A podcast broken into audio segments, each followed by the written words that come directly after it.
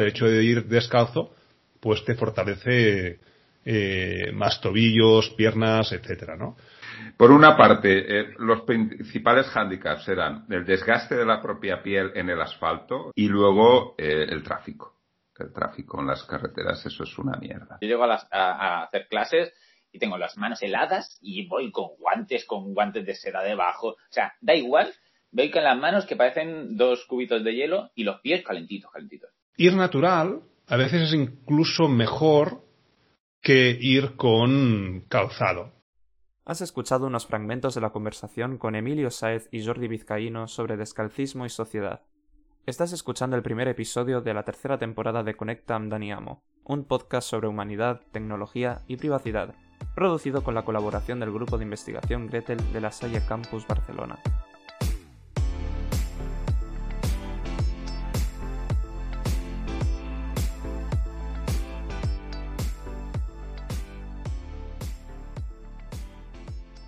Vale, pues con Jordi, vale, Emilio, que, creo que tú también me, seguiste cuando hice el reto de los 120 kilómetros eh, descalzos, que al principio iban a ser eh, en un fin de semana, en un día, salgo, corro los 120 y ya está, pero al final decidimos hacerlo en, tres semanas, en tres veces, para alargar la difusión, ¿no? Y de hecho, eh, creo que lo acertamos porque tuvo un éxito rotundo.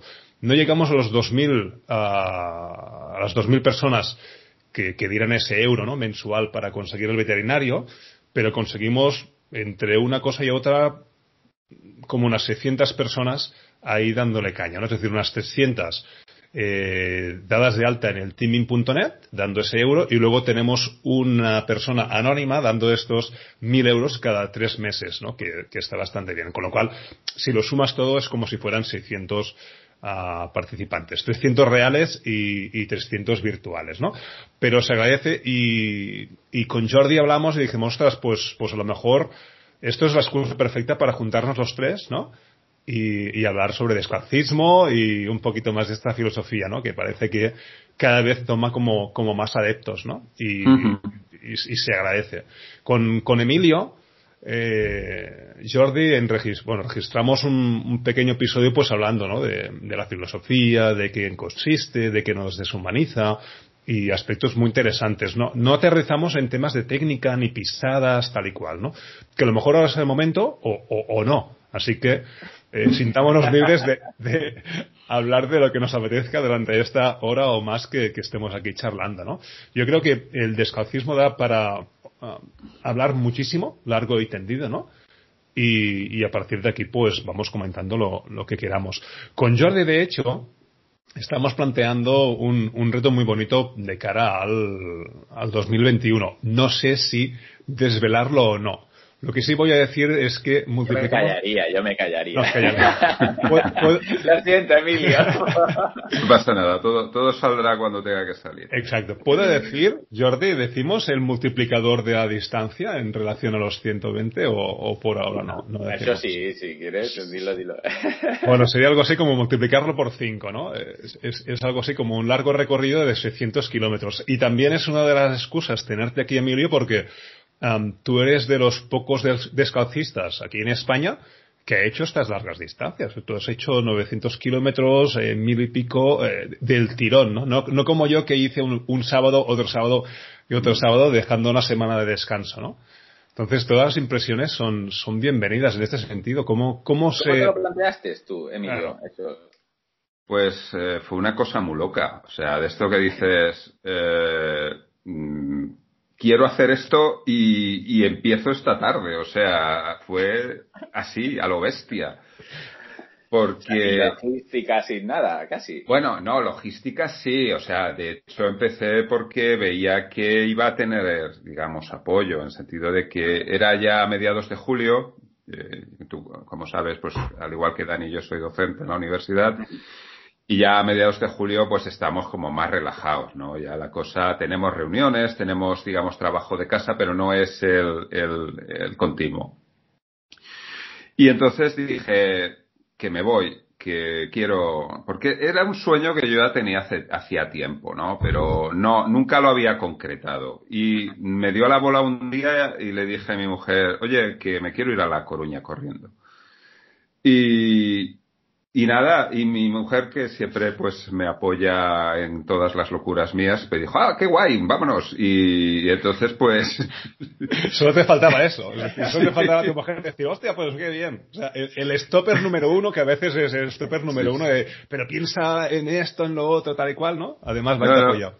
Y entonces, nada, los primeros días fue muy fácil porque, claro, eran etapas de unos 30 kilómetros de media, más o menos y nada, el primer día salí de Castellón hasta Honda, que está al lado, y mi mujer me recogió en Honda, me volvió a casa y así las tres o cuatro primeras etapas, yo me, mm, yo me, me iba con el coche al sitio que había terminado, seguía a 30 kilómetros o así, y, mi mujer me recogía a donde llegaba, me volvía a donde había dejado el coche y volvíamos a casa. Así hasta que ya la cosa ya se alargaba demasiado, ¿no? Entonces ya pues ahí a finales de julio pues ya salimos de ruta, ya cuando estaba bordeando Teruel. Y nada, eh, combinando como se pudo todo, con evidentemente el apoyo de, Rosario, mi mujer, para, para hacerme la logística, pues hasta que 36 días de viaje, de, trayecto después, llegamos a La Coruña. Qué bestia.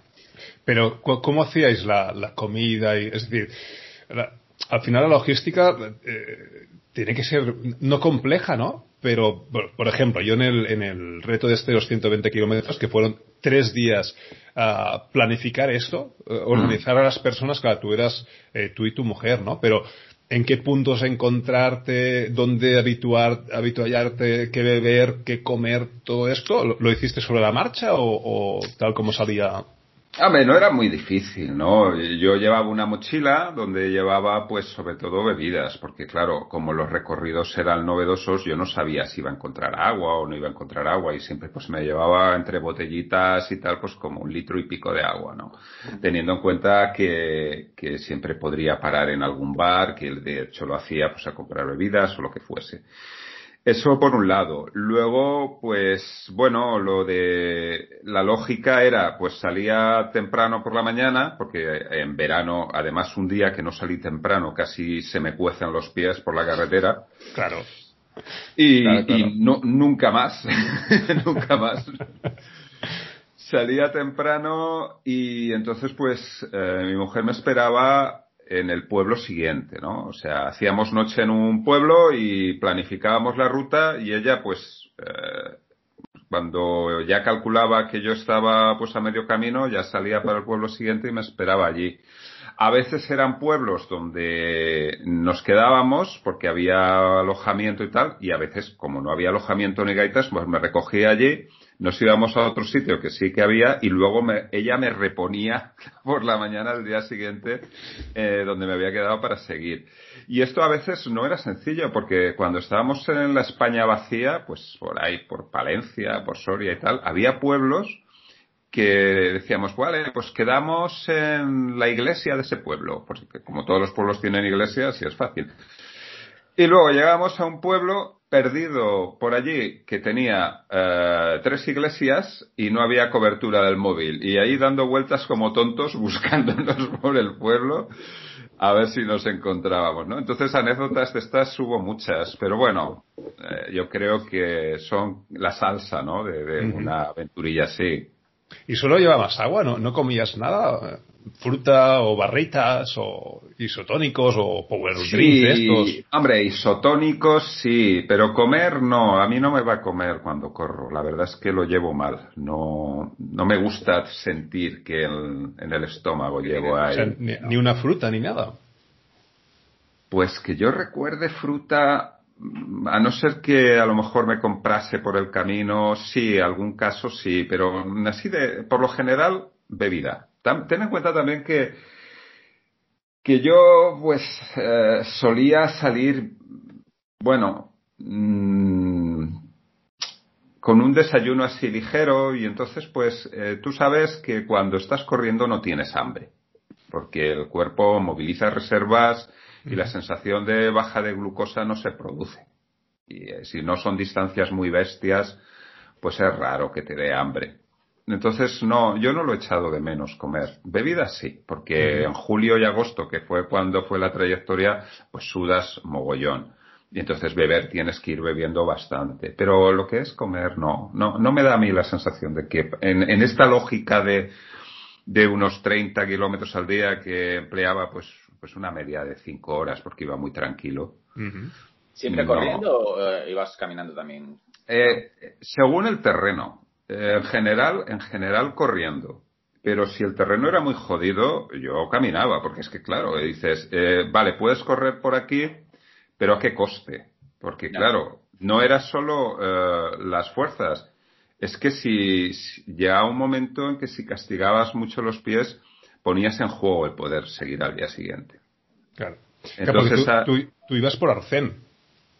O sea, ibas por carretera, básicamente, no, no ibas por caminos. He ido por, fui por todo, ¿eh?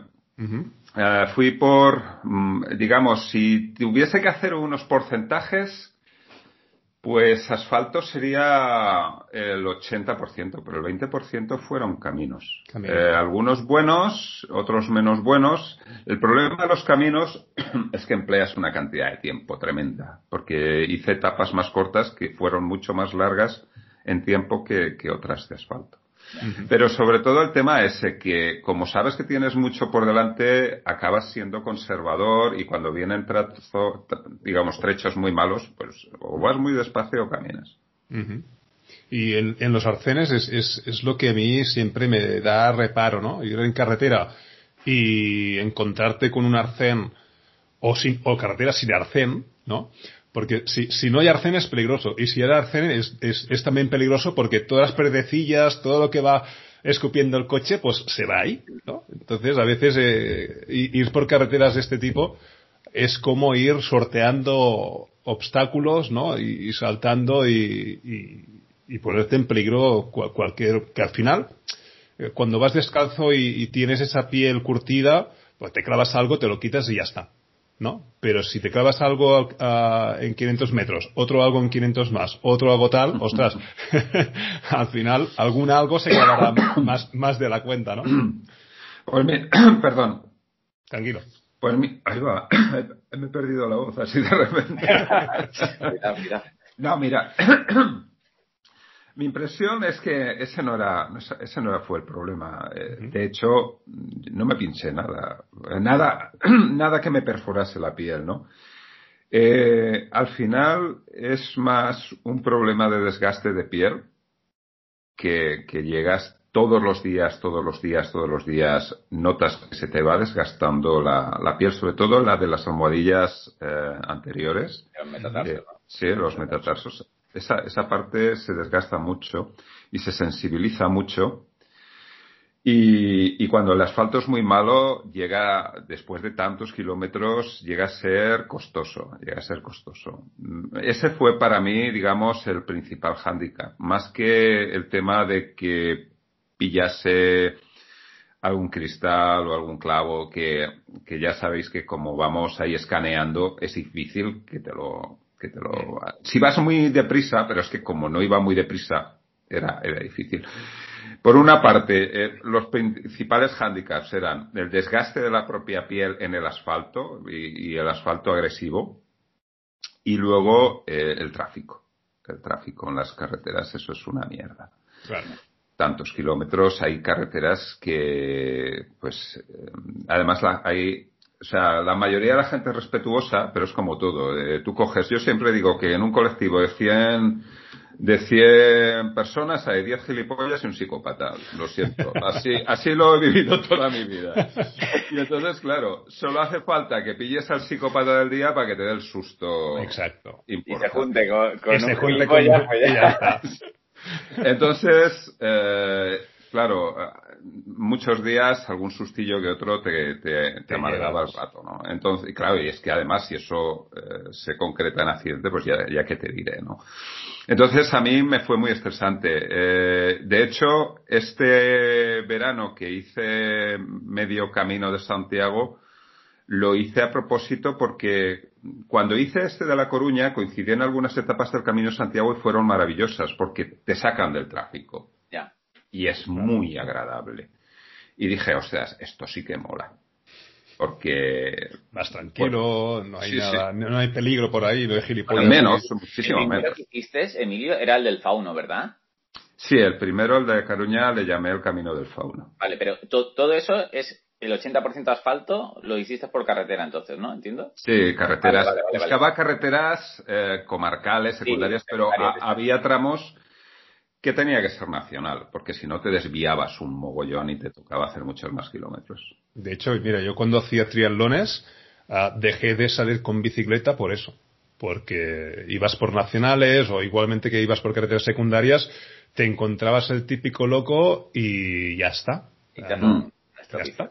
Ya está, ya está, ¿no? igualmente, las carreteras, si no son buenas, tú vas con bici, se te, se te tuerce el manillar y te vas al suelo como nos ha pasado muchas veces, ¿no? Hay una anécdota que contábamos cuando hacíamos eh, triatlones, es que, bueno, ah, cuando ibas a rueda, ¿no? Unos amigos míos iban a rueda, ¿no? Y de golpe y porrazo el de, delante empieza a chillar, no miréis, no miréis, aguantad, aguantad, y claro, pa, pa, pa, pa, pa vas, vas pasando por encima del que se ha caído delante de todo, ¿no? Entonces, claro, ah, y no, no, porque no puedes esquivar. Como tienes a, a la izquierda tienes todos los coches que te vienen y que te van, pues eh, si vas primero te caes, o sea, aparte de la hostia que te metes, si mm. vas en grupo, te van a pasar por encima todos detrás porque no te pueden esquivar, ¿no? Entonces eh, es súper peligroso y, y, lo dejé, ¿no? De hecho, eh, con, con, Jordi más de una vez lo comentamos el hecho de que, bueno, pasar por carreteras de este tipo a mí me estresa muchísimo. En el reto, yo lo que hice es contactar con todos los policías, mozos de escuadra, todas las ah, unidades de ayuda que puedan haber por ahí y, todas, todas se negaron. Se negaron por, por, el principio que no es una competición, sino que es, un, es un paseo, ¿no? Y los trámites los hice muy, muy tarde, a, dos meses vista, y me dijeron, no, esto lo tienes que hacer a, a, un año vista, una cosa así, pero bueno, igualmente como no es competición, pues no te, no te ayudarían, ¿no? Todo, a no ser que las policías locales quieran, ¿no? Entonces hubo, hubo un tramo, ¿no? Que es entre dos ríos y Ginás, ah, que es una carretera súper mala, sin arcén, con mucha curva y poca visibilidad. Y ahí es donde yo dije, mira, yo con mi experiencia de bicicleta en, en Nacional, por aquí no me la juego, ¿no? En el nuevo reto ya veremos qué es lo que haremos, ¿no? Nos tenemos que comer, pues, pues esas carreteritas, ¿no? Y al final lo que hice es campo otra vez. Cogimos a montaña, atravesando mm los árboles, los arbustos y, los caminos que había por aquí, en línea recta, de dos ríos allinas a campo a través, ¿no? Y nos, pasamos bomba, ¿eh? Nos podríamos haber roto ahí los pies con las hostias que nos metimos. La primera vez que hago aquaplaning con los pies. O sea, pillé, pillé barro y, y, me deslicé como un par o tres de metros, ¿no? Ahí me cojone, ¿no? Pero, pero son situaciones muy, muy divertidas cuando, cuando sales de, de la norma y vas sobre todo por, ah, por tierra. ¿No? Porque ir por asfalto, de hecho, justamente en asfalto me, me destrocé los pies. Bajando de Mella al Valle a Badalona me destrocé los pies porque no estoy acostumbrado, soy más de, de montaña, ¿no? Que hay quien dice que, ostras, la montaña cuesta más que el asfalto. A mí fue al revés. No sé a vosotros qué, qué os parece, ¿no? Pero a mí la montaña me es muy amable, me cuesta mucho menos y el asfalto, en cambio, ostras, psicológicamente me, me destruye más y me, me cansa más, ¿no? No sé, en mi, caso, bueno, ya te lo había comentado. Yo, prefiero el, el, asfalto a la montaña, pero básicamente porque puedo correr en, en, en, asfalto. En montaña, pues vas trampeando un poco y vas haciendo un poquito, que sí, que ahora aquí. Pero yo, por ejemplo, tengo desde siempre, y es una cosa que, que por muchos años que lleve descalzo, no me he quitado. Yo no me he quitado la sensibilidad de los, de los pies. Siguen siendo súper sensibles. A poco que deje de ir descalzo, lleve tres días la guarache ostras, otra vez, vuelvo y dices, joder, pero si parece que no, no ha avanzado nada, ¿sabes? Y, y, a mí eso siempre me ha pasado. Entonces, he preferido eh, coger un asfalto que pueda ser más o menos decente y a partir de ahí tirar. Y en cambio, montaña me cuesta más, me cuesta más por eso. De todas maneras, es que hay montañas y montañas. Eh. Claro, hay montañas que tienen caminos de tierra y con, pues, incluso vegetación así blandita y eso es una gozada. Y luego, eso, es, una maravilla. En el momento que encuentras algo así, has encontrado oro. y luego hay montañas que, bueno, pues son cepos, porque de punta, todo, y bueno, realmente hay vas, pero es, es una cosa como pues hacerte la manicura, ¿no? pasito a pasito, es una cosa muy complicada. y, si no te pones las guaraches, que, ostras, hay, hay, hay, hay, la comprensión esta de que o tienes que ir descalzo o tienes que ir con calzado, ¿no? Y al final tampoco se trata de hacer la, una cosa o la otra, sino hacer aquello que realmente te apetece que te viene en gana y que, y que no te pone en, peligro los pies, porque sí, pues a mí me gusta mucho irme por Nuria y por Puchmal y hacer alta montaña, ¿no? Y hay trozos, es que ni con guaraches, es que te, te, entra una piedrecilla por ahí. De hecho, mira, yo hice la, la Caballes del Ben, la hice con guaraches. Y ostras, hubo, hubo una ramita que estaba ahí bien colocadita, ¿no? Y, y que me pasó por, por, por al lado de la guarache, se se me clavó en, en, el puente del pie, ¿no?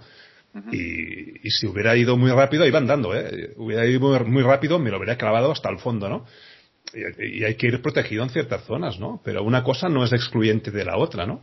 Al final, incluso eh, haciendo una, una, un mix de las dos, es el beneficio que te puede aportar. Hay mucho calcista que es que hace sesiones de descalcismo para trabajar la técnica y para trabajar por estas cositas, ¿no? A mí lo que, lo que me preocupa más, ¿vale? En estas carreras tan largas, es la recuperación. Porque yo cuando terminaba de hacer los 50 kilómetros o la maratón corriendo, ah, me ponía en una piscinita llena de hielo, ¿no? Y, con los consejos de Jordi, pues iba entrando y saliendo y con eso me recuperaba muy rápido.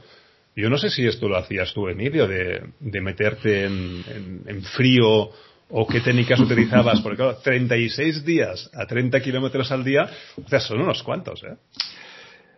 Yo era más rústico, yo eh, me metía en todas las fuentes que había, metía las patas. fuente que pillaba, fuente que bendecía con mis pinreles, o sea, no te puedes imaginar la de fuentes que he pateado por el camino, o sea, eso del agua fría es una bendición porque relaja mucho el pie y, se nota, se nota un montón. Y luego lo que pasa es que eh, yo, mira, intentaba siempre, como era verano, los pueblos a los que paraba a descansar que tuviesen piscina. Y me pasaba un buen rato en la piscina. Y eso era divino, porque el cuerpo se relajaba muchísimo, los pies también. Y no siempre era posible, pero bueno al final mm, vas haciéndolo, o sea, ya te digo, mm, tanto fuentes como todos los ríos que, cruzaba que tuviesen así, digamos, una playita que, vamos, era como una especie de esto de que va el ganado en trashumancia y ve el agua y se tira, pues yo igual. También, ¿Y, ¿Y bebías también? En el río no, hombre. no soy tan kamikaze. En, el río no se debe. A no, ser que sea río de original ahí en la montaña, que eso es. Calla, calla, eso es, eso es suicida. Eso ya es de ganado, ¿eh? Eso ya es puro y duro. Hostia, la, la verdad es que a mí la, las sensaciones que tengo con el correr son mucho mejores que, con, que cuando iba descal, eh, calzado, quiere decir, ¿no? La recuperación, sobre todo. Es decir, cuando te haces tantos kilómetros, evidentemente, calzado o descalzado, tienes que, tienes que hacer alguna terapia de choque con agua o, con algo, porque si no, pues, eh, te pasa, te pasa factura, ¿no? Pero sí que es cierto, ¿eh? El, el, hecho de que vaya descalzo, quizás porque reduces un poco la velocidad. Reduces velocidad de, de, correr, ¿eh? aunque yo cuando pasé del, del calcismo al descalcismo, seguía corriendo a la misma velocidad que iba calzado por la montaña, ¿no? Hasta que al cabo de un mes me destrocé los pies, ¿no? Pero eh, al menos lo que he notado es que te cargas menos las piernas, ¿no? Y te cargas menos las, la, la, cadera o las rodillas, que es lo que, lo que sufría. Yo he tenido bursitis en la cadera derecha desde que me salió que no se quitó que fue pasarme al calcismo, al descalcismo, y hostia, mano de santo. Quizás por la posición, quizás por la, la, bajada de, de, ritmo, ¿no? O quizás por, por fortalecer las piernas, que de forma natural el hecho de ir descalzo, pues te fortalece eh, más tobillos, piernas, etcétera, ¿no? No sé si también vosotros habéis notado algún progreso de este tipo, pero eso que dicen de que te pasas a, correr el descalzo y no te lesionas, cuidado, ¿eh? También, eh, con esas aseveraciones, cuidado, ¿no? Pero yo al menos he notado mejor. y en ese sentido uh, me aportas esos beneficios, ¿no? De, de, menos tensión en el cuerpo e incluso más fortaleza. Sí, yo creo, yo creo, por ejemplo, en, en a, este, con este tema, está en que si tienes la paciencia suficiente, al final todo el mundo encuentra el beneficio. El problema está en, en, intentar eh, llevar el mismo ritmo, la misma velocidad y, la misma carga de entrenamiento. Eh, y es, es donde, donde peca la gente. O sea, yo, por ejemplo, tengo un par de alumnos que me dicen, Jordi, es que no puedo evitar sentirme bien y seguir con el mismo ritmo. Y digo, vale, ya lo sé que no lo vas a poder evitar, pero no salgas mañana a correr. ¿Por qué? Porque, sé, porque como salga mañana o pasado o el otro o y el otro, pues al final el cuerpo te va a decir para. Y si no te lo digo yo, te lo va a decir tu cuerpo. Claro, al final gestionar todo esto es lo yo creo que es lo más complejo. Decir, bueno, mmm, al principio entiendes que, ah, mira, pues con los pies descalzos, pues eso apoyas diferente, esa parte técnica que dices que es, es más, es más interesante, pero luego tienes ese punto en el que eh, tus pies están a un nivel, tu cuerpo está a otro, tu cerebro está a otro, y encontrar ese equilibrio entre los tres es el complejo. Y cuando hay un desequilibrio entre una parte de tu cuerpo y otra, y sobre todo entre una parte de tu cuerpo y el cerebro, ahí está donde, donde aparecen las, las lesiones. Y ahí es el, el, el, problema con, con, el que también tenemos que lidiar, ¿no? Porque hay mucha gente que, eso, prueba el descalcismo eh, o el minimalismo y al final se vuelve para atrás porque ese punto de paciencia no lo tiene y porque cree también en, y estamos acostumbrados a, a tener, a obtener resultados a, a, corto plazo y esa, esa visión a, largo plazo no, no acostumbramos a tener. Sí, yo creo que ahí, Jordi, has, has tocado un, un, tema clave, ¿no? El, el, equilibrio y la paciencia. Y, y, el tema del escalcismo, al final, que yo, eh, al, al, principio que yo era muy optimista de que todo el mundo podría hacerse descalcista, al final me he dado cuenta de que no, de que esto es para gente muy paciente. Y, y, y es, y la paciencia es un tema que, que escasea que escasea bastante. Sí, nuestros días están, están eh, carentes de paciencia. Sí. Y respecto a lo que Dani decía de la regeneración, en sentido de descansar más, yo lo que hice de, de ir a La Coruña eh, solo lo pude hacer por hacerlo descalzo, en el sentido de que cuando yo corría con zapatillas, las sobrecargas musculares eran tan grandes que de un día para otro no podía volver a entrenar. Tenía que dejar un día de descanso entre entrenamientos porque si no estaba súper cargado. Y evidentemente descalzo pues me cargaba muchísimo menos, ¿no? Y luego en cuanto a rendimiento, una vez llegas a, a madurar, en el sentido de que ya estás hecho como corredor descalcista, que ya, como quien dice, estás transicionado, la, la, la célebre palabra, yo creo que el rendimiento no se ve disminuido. De hecho, eh, yo tengo mis mejores tiempos ya a la madurez, para toda la vida que llevo corriendo. Eh, mis mejores tiempos en, en 10.000 y en maratón los tengo descalzo. Entonces, para mí personalmente es, es muy revelador, ¿no? Uh -huh. o sea que... de, de, hecho, el, el, ir, ir, descalzo y hacer tus mejores tiempos um, te definen como corredor. No, porque fijaros, hay, hay, una cosa muy, muy interesante. Mira, por ejemplo, el, las 24 horas de Kilian, ¿no? Uh -huh. O la, la sub 2, ¿no? De, de Kipchoge, uh -huh. ¿no? Um, las dos, uh, fenómeno de masas, ¿no? Un evento, um, pues patrocinado por unas marcas de zapatillas deportivas y siempre te ponen la duda, ¿no? ¿Es el corredor o son las zapatillas las que han hecho que se consiga uh, bajar el tiempo, ¿no? Porque Kilian, ¿no? Kilian pues paró porque Kilian falló, ¿no? Es, es, es, lo que se dice, ¿no? Al final, pues oye, el, al, al, chico pues le dio un dolor en el pecho y tal y cual y tuvo que parar, pues ya está, paras y, y ya lo conseguirás otro día. Y no es ningún fracaso. El, el, no, para yo, nunca es un fracaso. Lo que pasa ¿vale? que te lo venden como un fracaso. Exacto. De, de hecho, yo quiero que, creo que todo el mundo quiere que Kilian de alguna forma u otra fracase, ¿no? Yo creo que... Franquicia generalizada, ¿no? Que no Exacto. Pero fijaros que detrás de ahí habían las Phantom esas famosas, ¿no? Entonces, si Kilian consigue el reto, entonces, ¿quién lo ha conseguido? ¿Kilian o, o, el, o la zapatilla deportiva que, que, lo acompañaba, ¿no? Entonces, eh, los corredores descalcistas yo los encuentro como corredores puros, ¿no? Es decir, no tienes nada de tecnología en los pies que está haciendo que puedas conseguir más distancia o, menos distancia, ¿no? Así que cuando consigues un reto, lo consigues por ti mismo y no lo consigues por esa tecnología. Así que yo la tecnología la concibo más algo como para entornos muy técnicos y muy profesionales, ¿no? Más allá de lo que podría ser una carrera convencional de 10 kilómetros o una maratón que de convencional no tiene nada, pero si hoy en día no has hecho una maratón, no entras en un status quo, no eres nadie, ¿no? Hay, hay, cosas así, ¿no? Entonces, hostia, yo creo que ah, más que vernos como bichos raros, ¿no? Porque, hostia, en, en, en la publicidad que me hicieron en Antena 3 y en La Sexta, en, en, relación al reto no hizo justicia ni al reto ni a, los descalcistas, ¿no? Porque buscaban el sensacionalismo, ¿no? Pero, pero aquí, aquí hay, hay varias cosas. Eh, respecto al, tratamiento ese de la noticia, eh, eso también eh, hay que saber ver que nosotros, si, si, tenemos esa capacidad de, de recabar miradas es también justamente porque vamos descalzos. Entonces, el, poder utilizar eso en ese beneficio tampoco me parece, eh, o sea, mal.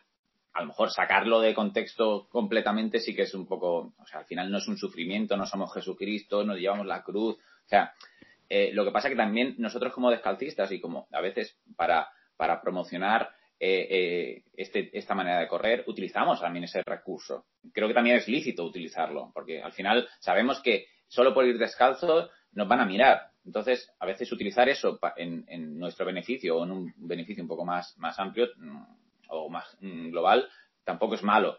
Eh, hacerlo todo bajo ese prisma me parecería incorrecto, ¿no? O sea, al final no es, no es una cuestión de sufrimiento, es, es algo más.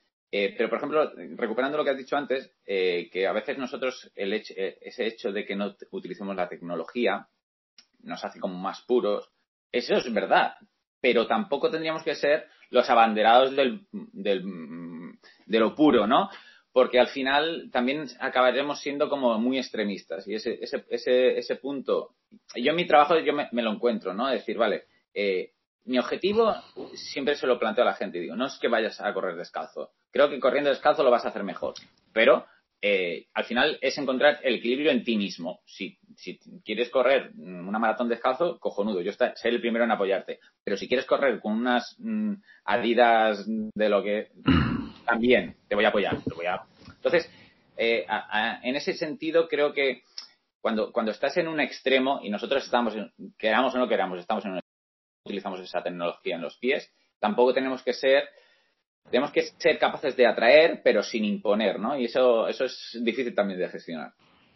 Pero es que además yo creo que la tecnología, cuando realmente es buena, hay que usarla y ya está, y sin darle más vueltas, ¿no? Y yo, por ejemplo, este, este verano que, que quise hacer el Camino de Santiago, y no pude, no por eh, el tipo de, sino porque abusé de las distancias. Ya no era una cuestión de ir descalzo, calzado y tal, sino porque hice demasiados kilómetros y mi cuerpo no, no aguantó porque hacía unas medias de 55 kilómetros al día y ahí peté. Hostia, qué bestia, tío. Y, y entonces, eh, pero mi planteamiento era muy práctico porque yo quería hacer el Camino Santiago porque me apetecía mucho ese recorrido. Además, eh, me parece precioso eh, lo que hice, de, lo que pude ver. Y entonces yo pensé, hay una cantidad enorme de kilómetros de grava, de camino de grava. Entonces yo dije, bueno, cuando haya grava me pongo sandalias y cuando no haya grava voy descalzo. Y eso es lo que hice, pero además lo dije sin ningún problema en el sentido de decir, para mí la grava, eso no es natural. O sea, es, es la cosa más agresiva que podemos imaginar para los pies. ¿Qué sentido tiene hacerlo descalzo cuando además tienes tantos kilómetros? Otra cosa es que te salga un kilómetro de grava y después haces el kilómetro y ya está. Y entonces, pues bueno, yo iba, iba alternando. Cuando la superficie era llevadera y agradable, pues descalzo. Cuando había grava, pues eh, sandalias. ¿Por qué? Pues porque si no me sometía a un sufrimiento innecesario, sobre todo innecesario. Porque no, no, digamos, correr descalzo por grava no es para sentirse orgulloso. Que lo puedas hacer, vale. Pero dedicarse a eso me parece estúpido. es, es, es, que es así, es una de las cosas que para el siguiente reto me, me preocupa bastante, ¿no? Porque, eh, y ahora que es invierno, ¿no? Ahora salir en invierno descalzo, por asfalto, para, para mí es muerte. O sea, lo que he notado es que todo aquello que es eh, hecho por humanos, ostras, yo, prefiero ir calzado de alguna forma que no descalzo. Cambio, eh, por ejemplo, paseo ayer con, con, la familia, ¿no? Desde casa hasta, hasta la montaña, que es ciudad y luego pues la montaña, ¿no? Estás por ciudad, yo lo siento, eh, voy con los, con los guaraches, ¿no?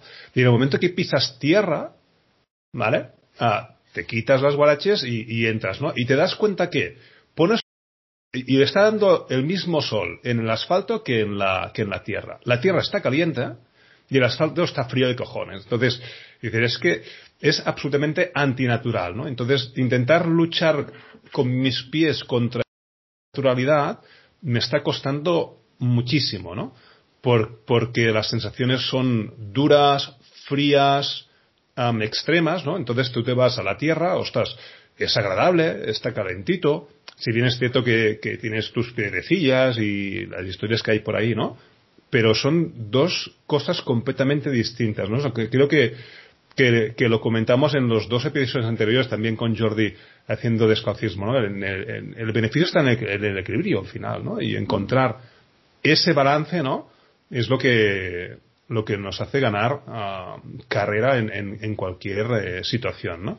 Pero me estoy dando cuenta de eso, es decir, que para situaciones, terrenos donde no es natural, yo al menos me empiezo a sentir mucho más cómodo yendo calzado, minimalista o no minimalista, eh, da igual, eh, porque al final, en estos días de tanto frío que vas a pasear con la familia, no me pongo guaranches, me pongo pues unas Altra eh, Escalante, que son súper cómodas y que son muy livianas y que me van muy bien, ¿no?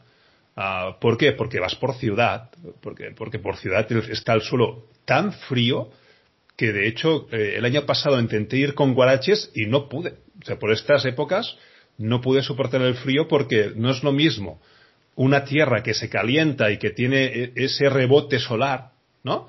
Y no un asfalto que de rebote solar no tiene nada, porque para calentar el asfalto, el, el asfalto quizás no, pero el cemento, lo que es la cera, para calentar eso, te tiene que dar chicha, ¿eh? Con el sol porque si no eso no se calienta ni para de tres. Y cuando, se, calienta, se calienta un huevo.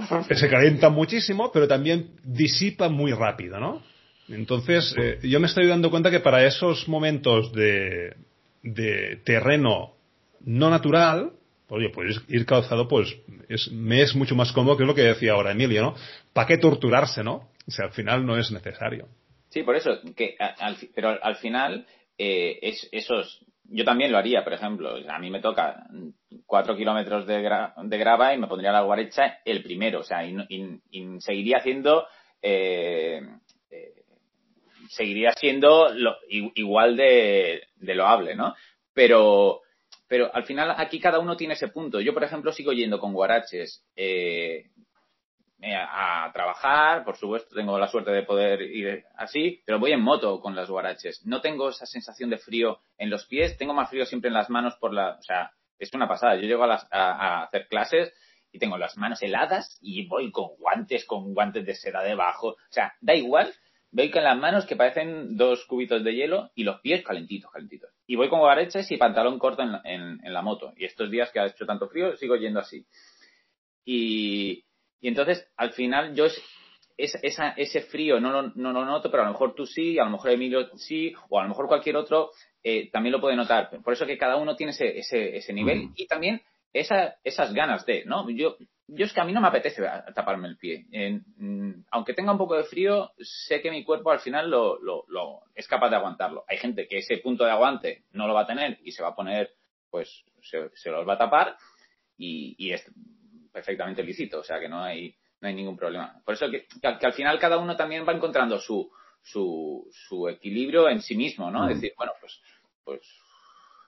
Sí, sí, yo creo que eh, esto digamos, la, excepcionalidad es que venimos de un paradigma en el cual todos estábamos calzados para todo. Eh, hasta hace, que diré yo, pues 10 años, ¿no? Más o menos. Y ahora entramos en una situación en la que algunos, algunas personas, pues eh, ya nos hemos cuestionado esto y estamos entrando en modelos alternativos. Que en la medida en que pasan por el descalcismo, el descalcismo lo que hemos comprobado es que es muy flexible y, muy adaptable a muchas situaciones, pero ni, pero tampoco tiene sentido, digamos, entrar en la lógica del sacrificio, ¿no? Por intentar demostrar algo. Que yo eso ya, digamos, hace tiempo que, que ya lo, lo, interioricé y lo, lo, lo, adapté a mi vida cotidiana. O sea, para mí el descalcismo ya no es un ejercicio que yo hago contra algo, ¿no? Es una forma de vivir. Y yo corro descalzo porque me gusta correr descalzo y no tengo ningún pero si me voy a la montaña en previsión de que pueda surgir algún tramo especialmente complicado, pues porque haya muchas zarzas o mucha vegetación así con pinchos o lo que sea, por mi comodidad, pues yo me llevo en la mochila unas sandalias y si hace falta me las pongo.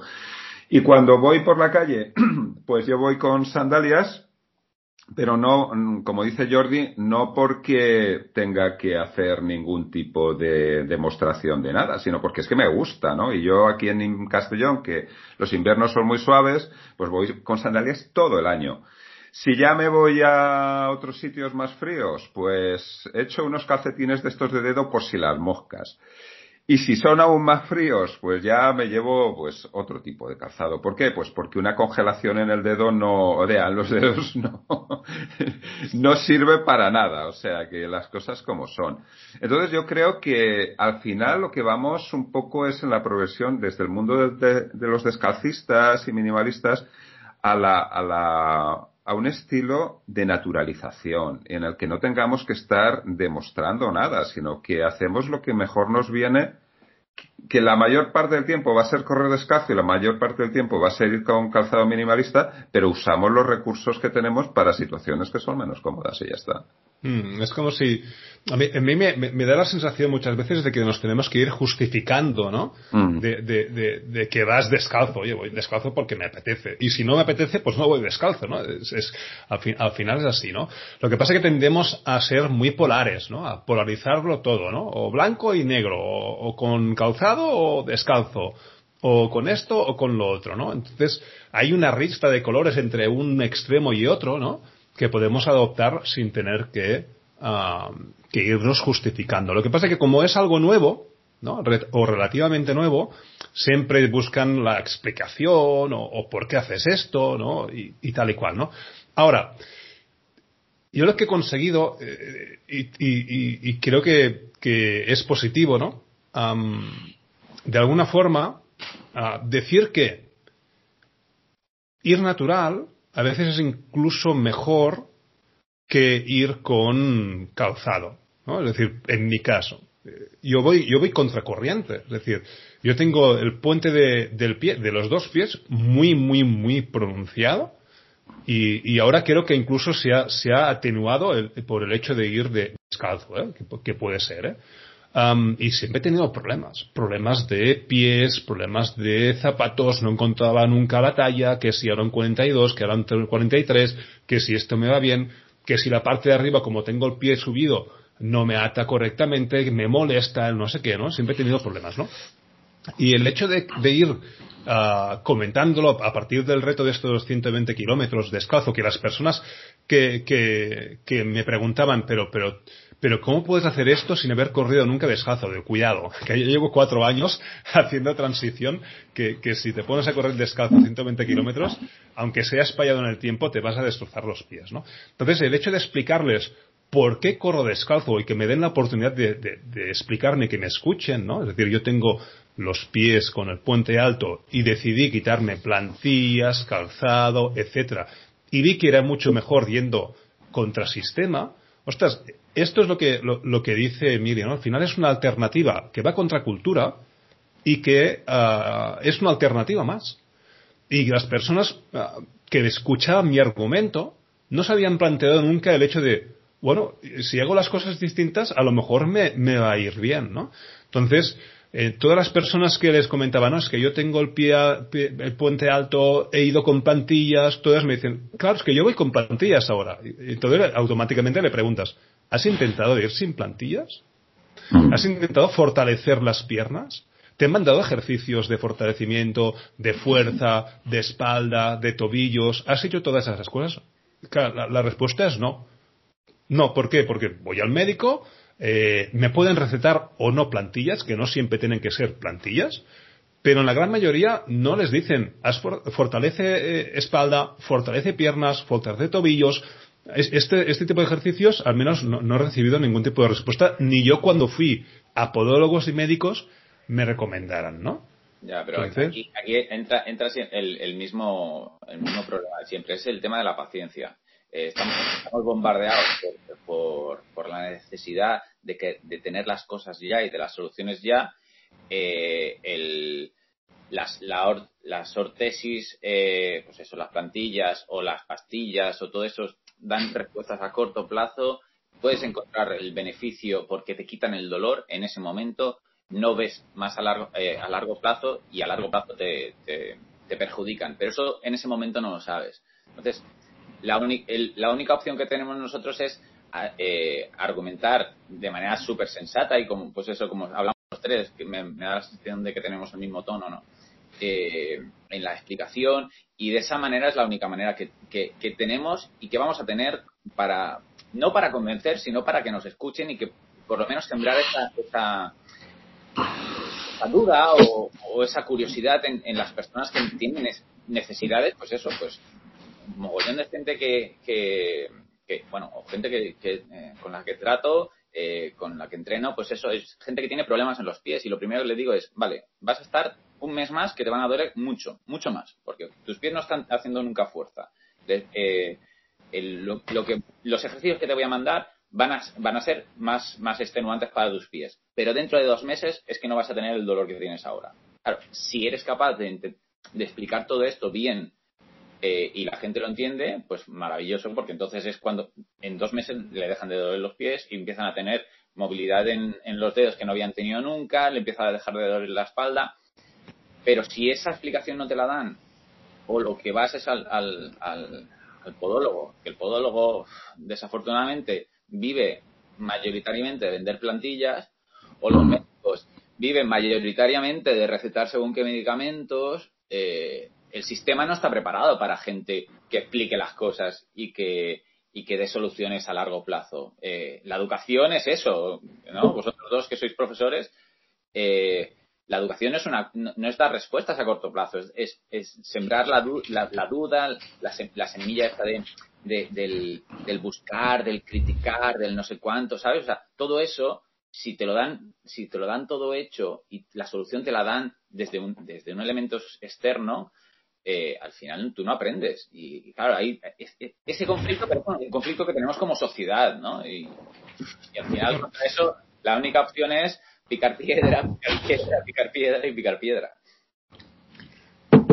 Píldora mágica. Sí, lo que pasa es que es lo que, lo que venimos hablando ya todo el tiempo. Eh, sobre todo en el mundo de los corredores, la gente quiere resultados inmediatos. O sea, esto de decirle a alguien, pues mira, mm, si te duelen mucho las rodillas, pasa a intentar correr así porque el cuerpo trabaja de otra manera y tal, y, y seguramente te desaparecerán y podrás seguir corriendo. Pero claro, cuando empiezan a decir, ay, pues ya no me duelen, eh, entonces mm, quieren retomar en un mes los mejores tiempos de su vida de atleta. Y claro, entonces cascan por mil otros lados, ¿no? y luego dicen, esto del minimalismo, del descalcismo es una mierda. Esto no funciona. Digo, joder, tío, ¿qué has hecho? ¿Qué, pasa, no? Pero es que pasa mucho eso, pasa mucho. Pero es que uh, ese es el problema de la marquitis. Es decir, si, si tú quieres correr y quieres correr para conseguir tiempo, ¿no? Ser competitivo, porque hay dos tipos de correr, o, distintos tipos de correr, ¿no? Estilo, eh, correr por estilo de vida, correr porque me apetece correr, ¿no? correr porque quieres eh, tener beneficios saludables, ¿no? O, correr porque ah, quieres competir con ti mismo o con nosotros y conseguir la, mayor marca. en, este caso, es decir, si tú lo que, lo que quieres conseguir es una marca de tiempo brutal, puede parecer incluso, puede parecer que yo creo que se, que, se quejan de esto, ¿no? Se pasar al minimalismo, pasar al descalcismo, de que, de que tires para atrás. Y, y es verdad, porque tú cuando haces un cambio en las técnicas, en los ejercicios, vas a hacer una involución porque tu cuerpo se está adaptando a esto, ¿no? Tu cuerpo y tu mente, las dos cosas. Pero esta involución no implica que después no puedas tener mejores tiempos. Emilio, lo has dicho tú muy claro, ¿no? Es decir, tus mejores tiempos en, 10K y en 42K, pues es cuando iba, cuando, calzo, ¿no? Entonces es la paciencia que dice Jordi.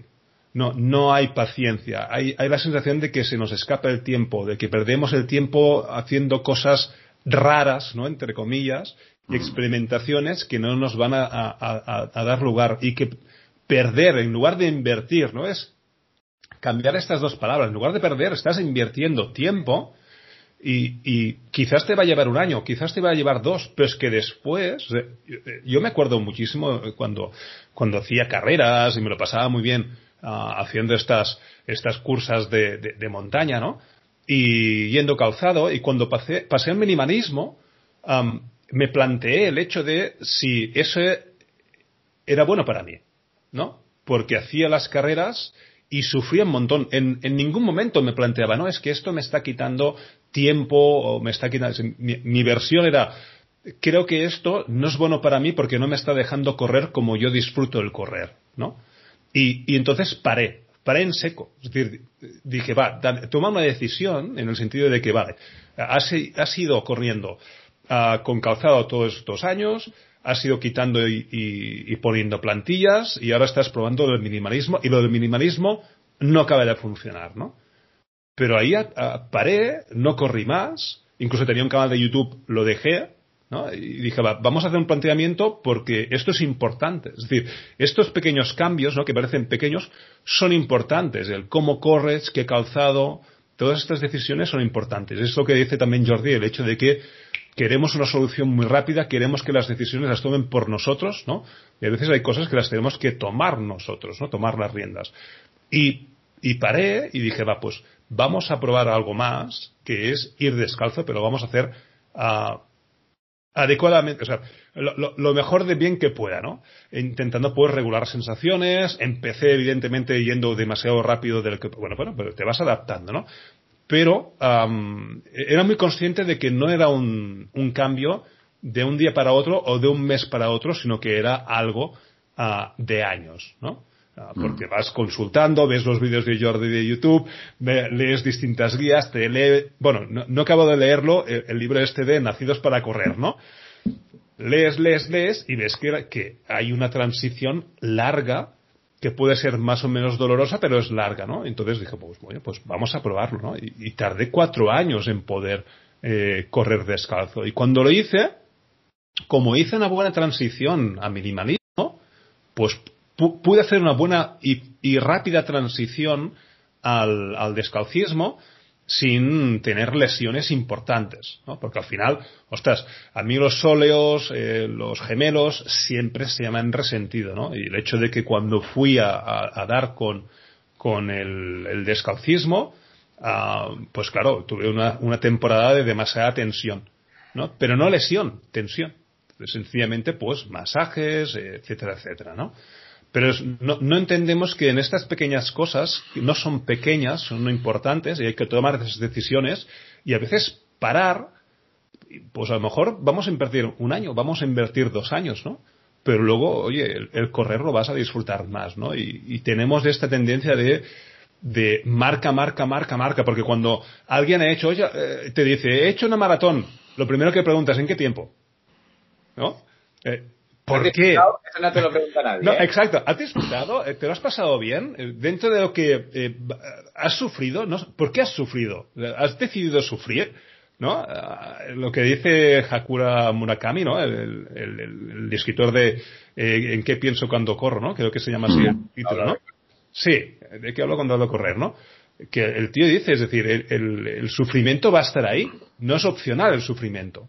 ¿No? Porque, porque depende de lo que hagas, pues oye, eh, te va a costar eh, lo suyo, pero preguntas como, ¿cómo te lo has pasado? ¿Has disfrutado? ¿Qué sensaciones has tenido? ¿En qué pensabas? No, ¿en qué tiempo has hecho? Y, y, ¿no? y estas cosas, ¿no? Y a veces nos encerramos en, en esa ese revoltijo de, de, de, competitividad que, que, ya no es sana. ¿no? Estamos en una sociedad absolutamente competitiva y lo que decíamos antes, ¿no? si no haces una maratón, ya no tienes un status quo medio aceptable. Pero si lo haces en cuatro y medio, eres un mierda. ah, eres un mierda, claro. Que, Ese, es el gran problema, ¿no? Que dices, al final siempre hay un pero, ¿no? Y, y cuando hayas hecho una maratón en tres y media, que parece que es como lo estandarizado, que dices, no, a partir de, por debajo de tres y medio ya empiezas a ser un corredor de maratón. Eh, pues te dirán, ah, ¿y no haces un Ironman? Hostia, pues no, mierda. Ah, pues, ¿y no haces una Ultraman? Pues mira, ¿qué quieres que te diga? O sea, cada uno pone, oye, tengo familia, ¿sabes?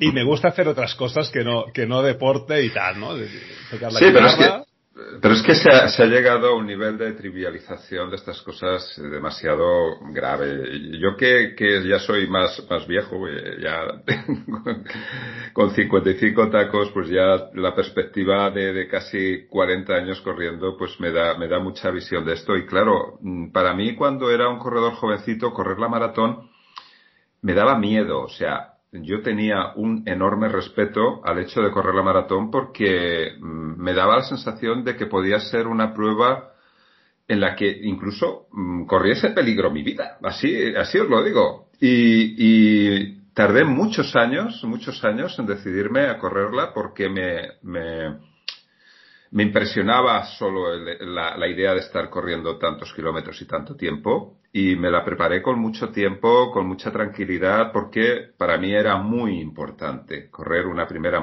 eh, una primera maratón y correrla bien, de llegar y disfrutar uh, la llegada con mi gente y tal.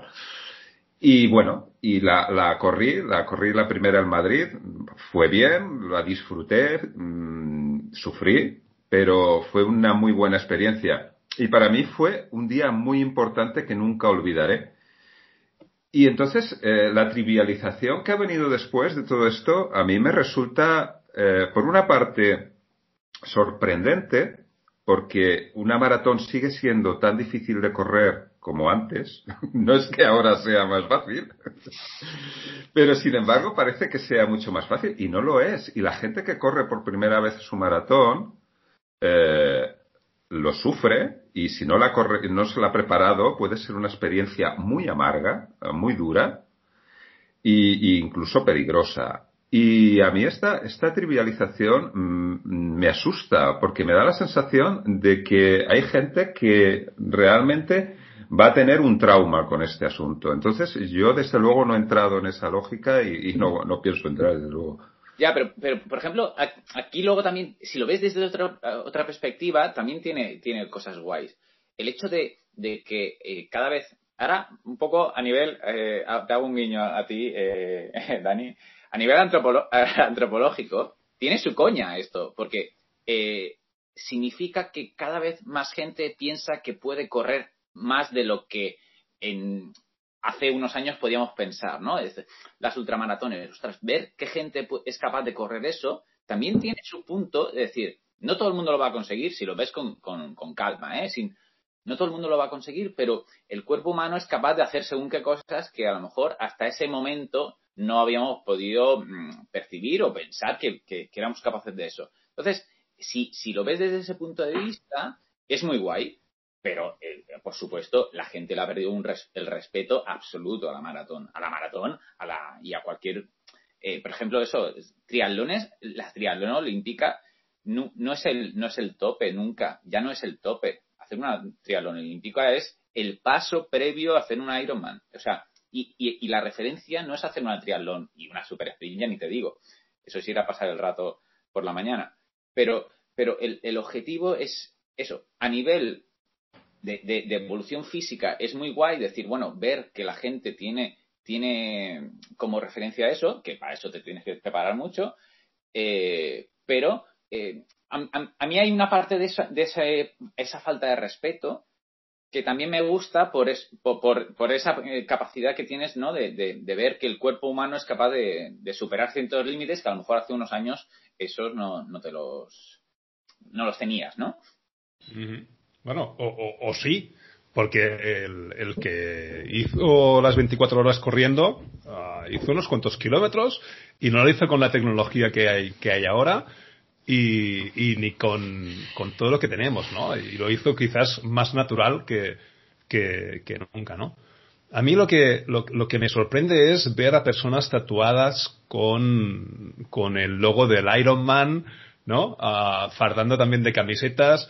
Sus, sus razones tendrán, ¿eh? No estoy juzgando y sus razones tendrán. A lo mejor, yo que sé, tienen una complicación y, esa es su forma de evadirse y decir, mira, cómo estoy superando estos problemas. ¿eh? Es absolutamente lícito, ¿no? Pero yo creo que se está dando un mensaje a la sociedad erróneo y que es fruto de, marketing y de negocio que hay detrás. Es decir, ahora cada fin de semana, ahora no, ¿no? Porque estamos en las condiciones que estamos con, con la pandemia y con el tema del COVID, ¿no? Pero es que tienes carreras tienes chorropocientas carreras un sábado, un domingo de, dos mil distancias absolutamente distintas. Eh, hoy en día es un negocio. O y hay holdings, hay grupos que se dedican a hacer eh, carreras como, como negocio, ¿no? Entonces, claro, en el momento de que entra el negocio y la sociedad mm, se empapa de estos mensajes, ¿no? Y tienes estos influencers, youtubers y compañía, tampoco, tampoco quiero menospreciar a la sociedad, ¿no? Y decir que no tienen criterio. Pero. Ya no tiene criterio. pero hostia, ah, una cosa, una cosa es lo que hace un, un, youtuber de moda, ¿no? Y otra cosa es la realidad, que, que los youtubers eh, viven de esto y tienen que hacer locuras porque es un entertainment puro y duro. Y mm. esas personas se están jugando la vida porque tienen un trabajo que es entretener al, a la audiencia, ¿no? Pero el, resto de personas, ostras, es muy bonito, muy loable el hecho de que tengas un problema y dices, va, pues oye, mm, a mí el ejercicio, este tipo de pruebas deportivas me va a hacer desentenderme, olvidarme, eh, ser consciente de que puedo luchar contra esto, pa, pa, pa, pa, pa, pa, pa. Llegar a casa tranquilo sin estar estresado, pues todo eso es fantástico. Claro, súper bien. Pero correr por correr, porque hay que correr, es que hasta 5K es muy duro para cualquier persona. 5 kilómetros son duros. Claro, pero aquí hay una cuestión de fondo y es que es la contraposición del ejercicio, de hacer ejercicio, ya no solo correr, sino lo que hagas como estilo de vida. Además, yo estoy muy en eso. Además, sabéis que mi, blog se llama Correvivir, que es un poco la, la filosofía. Y otra cosa es el plantearte, digamos, retos grandes pero como una especie de, obligación moral para que no te, no te sientas ridículo, lo cual me parece doblemente ridículo, ¿no?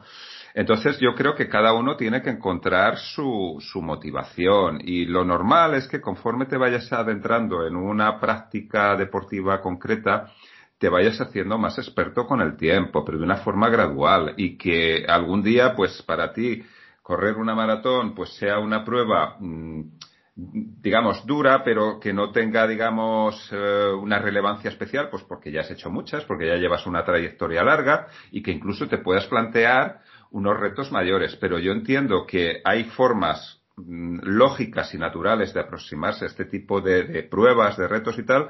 Y otra cosa es el, si no hago una maratón, soy un mierda. Es que eso ya es, es el peligro, ¿no? Por decir, porque ya se somete a una tensión y a, y a lo mejor hacer cosas para los que hay personas que no están preparadas y al final se convierte en un trauma, ¿no? Y eso es lo que creo que hay que evitar.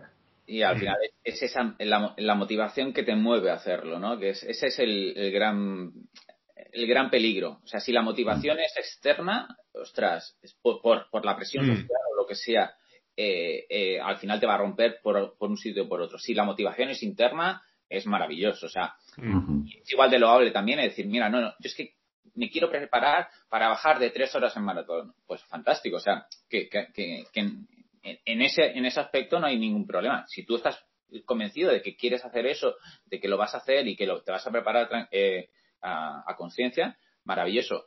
Pero, pero bueno, que al final tienes que también saber si esa motivación es pura, ¿no? Decir, bueno, es, es mía, es interna, eh, creo que mi entorno no me está influenciando en hacerlo y encima me va a apoyar en lo que sea, ¿vale? O sea, hay gente que no quiere correr una, un Ironman y, todo el mundo de su alrededor, nadie la ha presionado eh, y, todo el mundo lo apoya y pues eso, vamos a ir a ver a meta y vamos a estar en todo. Bueno, pues maravilloso, eso es una, eso es chulísimo y hay otros que quieren correr la, la Ironman porque hay que correr una Ironman y para eso se pasan siete horas en bicicleta el fin de semana, el sábado y el domingo, y es su familia que le den por saco, ¿sabes? O sea, a mí son estas cosas que dicen, ah, cuando me plantean, ¿no? ¿Ya ¿te gustaría correr un Ironman? A mí me gustaría correr un Ironman.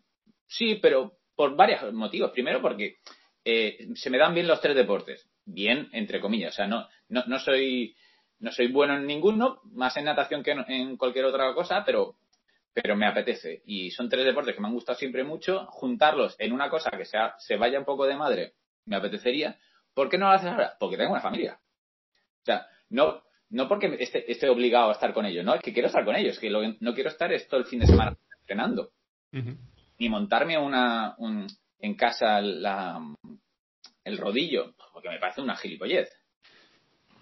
Pues eso, que, al, final, si, si, esa motivación es interna y es más o menos pura, decir, bueno, pues maravilloso, tira para adelante. Si es esa, no, es que, claro, como este ha hecho un Ironman, yo también. Y como, ostras, no, el, el símbolo ese, no me lo quiero tatuar, porque, bueno, pues eso.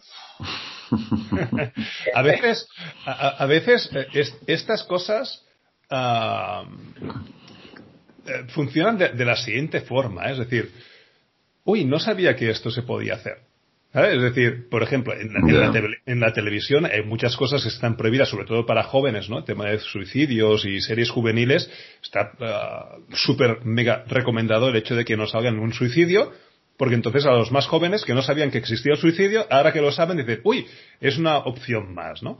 Y a, veces eh, eh, en esto puede pasar, ¿eh? Uy, ¿existe esto? Ah, pues y por la inercia social, etcétera, etcétera, pues tal y cual. Lo que sí que me, he dado cuenta y por mi poco recorrido o, contexto o contacto con distintos corredores y en estar en distintos grupos de WhatsApp y de Telegram, las reflexiones y, y las conversaciones son mucho más profundas en aquellos grupos donde hay descalcistas que no donde hay calcistas puros y duros. Es decir, estas cosas de, replantearse, de entender la vida, de entender el correr, de buscar el sentido, de buscar la, no la felicidad, ¿no? Pero el bienestar, la salud, el correr porque me apetece. Estas frases de, no, corro porque me apetece, corro porque es un estilo de vida, corro porque gozo más el hecho de correr descalzo, ¿no? Esto se repite, es un constante en los grupos de descalcistas, o que hay alguien descalcista pero no así en aquellos sitios donde hay ah, corredores absolutamente con, con, No sé si lo habéis notado, ¿eh? pero eh, eh, es competición pura y dura en un lugar, ¿no? Y estilo de vida y, y coger el correr como algo que es un disfrute en el otro. Bueno, va, va habiendo ya tendencias. Ten en cuenta que como somos un colectivo el de los corredores tan grande, de, de tantos, yo creo que ya, pues, incluso rebasa los millones de personas que corren habitualmente, ya encuentras un poco de todo. Sí que hay una tendencia como más dominante en ese sentido, más competitivo y tal, pero yo creo que hay muchos grupos orientados. Mira, por ejemplo, el, grupo este transversal, el club este virtual de, de Beers Runners o como se llama, Corre Birras, ¿no? Que no es un grupo que se, se digamos, eh, busque la competición, la vida social, etcétera, ¿no?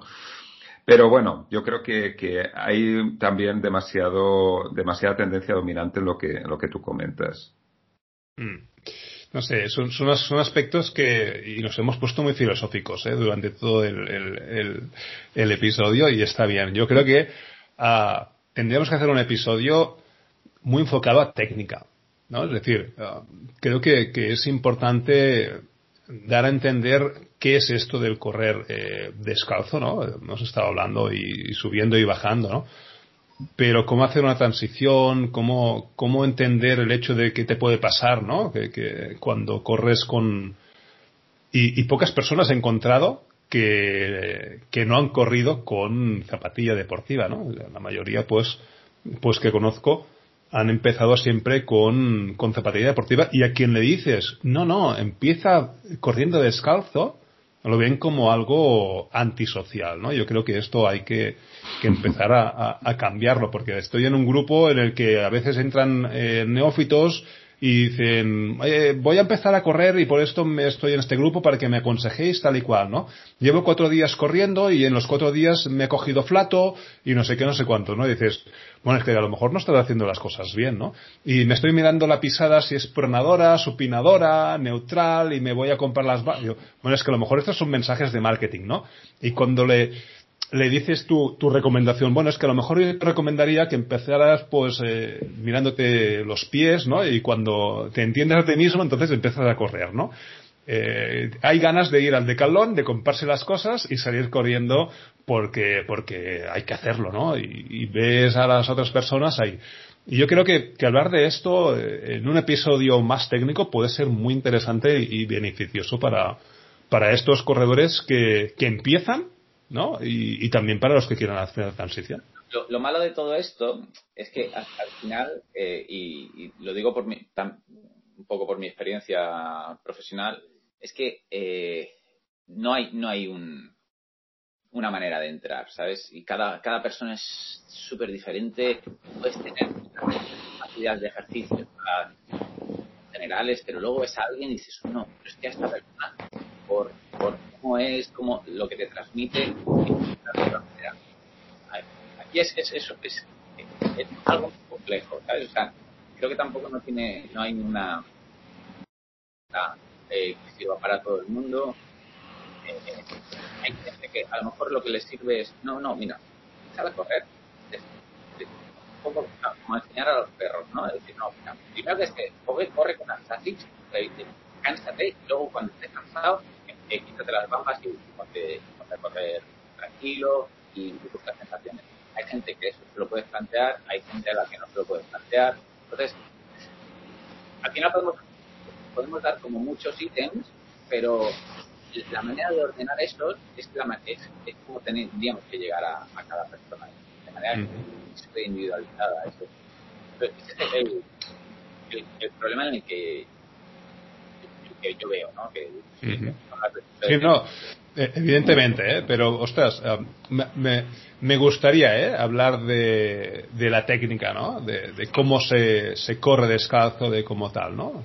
Sí, pero mira, hay una cosa que, que yo creo que, que hemos hecho bien, aunque somos muy poquitos los descalcistas y minimalistas en el colectivo de, de corredores en general, y es que, aunque no nos hagan caso y nos vean como bichos raros la mayoría, o incluso eh, se da la, la, paradoja de que hablas con corredores eh, que van con calzado, ellos te entienden, lo valoran y tal, pero ni se lo plantean. Es decir, yo lo entiendo, creo que tienes razón, pero yo estoy a lo mío, ¿no? Y entonces, lo que, el mérito que creo que sí que tenemos es que la gente es consciente, mucha gente ya es consciente de cómo, de cómo corre y de cómo aterriza y del tema del talonamiento y de todo ese tipo de cosas, yo creo que el, el, pequeño colectivo que somos eh, los ha metido ahí y mucha gente ha dicho, ah, no voy a ir descalzo, pero voy a procurar no talonar o voy a procurar no hacer las cosas así. Y en cierto modo, pues yo creo que hemos aportado ahí algo hmm. en general, ¿no? Sí, porque fíjate, fíjate y creo que, que, que va muy acorde con, con lo que dices, Emilio, porque al final, y creo que los corredores que trabajan técnica de carrera una vez por semana descalzos es porque saben que corren mal. ¿no? Es decir, y que el correr descalzo es correr bien. ¿no? Esa, esa contraposición. Es decir, un día de la semana voy a correr bien. El resto sí que voy a correr mal. Coño, pues, pues, ¿por qué no alargas un poquito este correr bien, no? A lo mejor te, te aporta. Pruébalo. No digo que sea la forma de hacer las cosas, ¿no?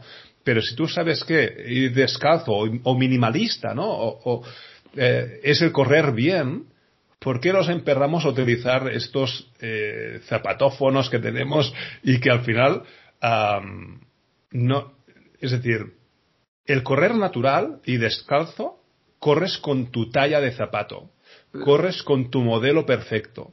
el hecho de ponerte un calzado industrial es tu piel que se adapta a la marca. Si tienes la suerte de que tu pie entra dentro de una ASICS o dentro de una Mizuno o dentro de una Altra o lo que sea y te encaja perfecto, me has tenido la suerte, te ha tocado la lotería. Pero yo no lo he conseguido. Entonces, eh, te tienes que meter tu pie en alguna de las tallas y encontrar aquella que más o menos eh, encaje, ¿no? Hostia, yo, yo por eso, por eso quise, probar el tema de lo, más cercano a ir descalzo y al final acabado yendo descalzo porque llevas tu zapatilla deportiva preferida, tu marca modelo exacto, a tu talla y, y, no, no, hace falta buscar porque lo, tienes ahí, ¿no? Entonces, eh, yo creo que en eso se dan cuenta, de que correr con calzado te hace correr mal y correr natural te hace correr bien, ¿no? Y a lo mejor es muy extremista, ¿eh? Por, ejemplo, pero para entrenar, o sea, yo si ahora fuese entrenador de élite, lo que eh, trabajarías mucho sería correr descalzo, eh, mucho impacto, para que luego con, tus zapatillas te aísles de todo eh, y puedas correr a, toda pastilla, porque, eh, mira, durante las tres horas de, o las dos horas cuarenta de la maratón, el, el estímulo que reciba el pie sea más estable. eso, eso sí lo si sería maravilloso. Yo es que creo, Jordi, que, eh, y tú que estás más, digamos, en el, en el mundo de los entrenadores, bueno, es tu mundo, eh, creo que hay una diferencia importante entre lo que son corredores que se meten, eh, digamos, más en un plano de trabajo serio que lo que son la inmensa mayoría de los corredores populares. Creo que los, los corredores, los atletas que están, digamos, dedicándole tiempo, esfuerzo y se lo toman en serio, mm, ven esto de una manera mucho más pragmática. Y los corredores populares eh, ya es una cuestión más cultural y más de paradigmas extraños eh, que mm, cambiarlos es ya pasar a ser un, un bicho raro y otras, y otras cuestiones que no voy a entrar. Sí. o sea, pero, pero en, en ese sentido que dices, eh, si quieres en, meter todo este, este, este universo descalcista en... Yo, por ejemplo, he entrenado a gente eh, de balonmano. Eh, y hemos hecho entrenos descalzos para mm, ver cuáles eran eh, carencias a la hora de el, recoger el pie, del, el apoyo del pie después del, remate. Y todo el mundo veía que generaba mucha tensión en la rodilla. ¿Por qué? Porque cuando lo hacía descalzo ponía el pie de otra manera. Eh, sitúa a, y estos, bueno, eran, eran juveniles de, primera división catalana, eh, si al universo de, la alta competición vas metiendo estos, estos ítems, creo que a nivel, a nivel de, de, proyección física es muy bueno. Lo que pasa que, claro, ahora, por ejemplo, pones a Margasol a entrenar descalzo para que tenga reactividad en los pies, pues a lo mejor te los cargas. Bueno, como le ha pasado a Pau, ¿no?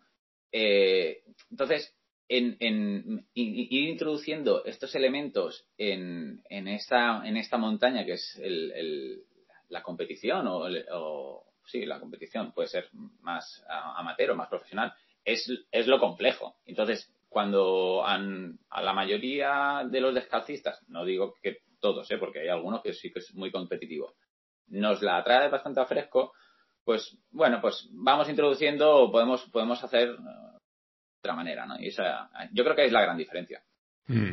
En, en, atletismo, de hecho, si os fijáis, las zapatillas son lo más minimalistas, lo, lo más lights posibles. Es decir, es un mm. poquito de lona que te proteja el pie para, para coger esa, esa parte de dos o tres milímetros para, para que haya el mínimo roce posible que pese el mínimo. Es decir, hay, deportes que sí que lo tienen muy interiorizado y, y, no van descalzos porque quizás con el tartar a grandes velocidades te, te, fundes los pies como una goma de borrar, ¿eh? No, no lo sé. ¿eh?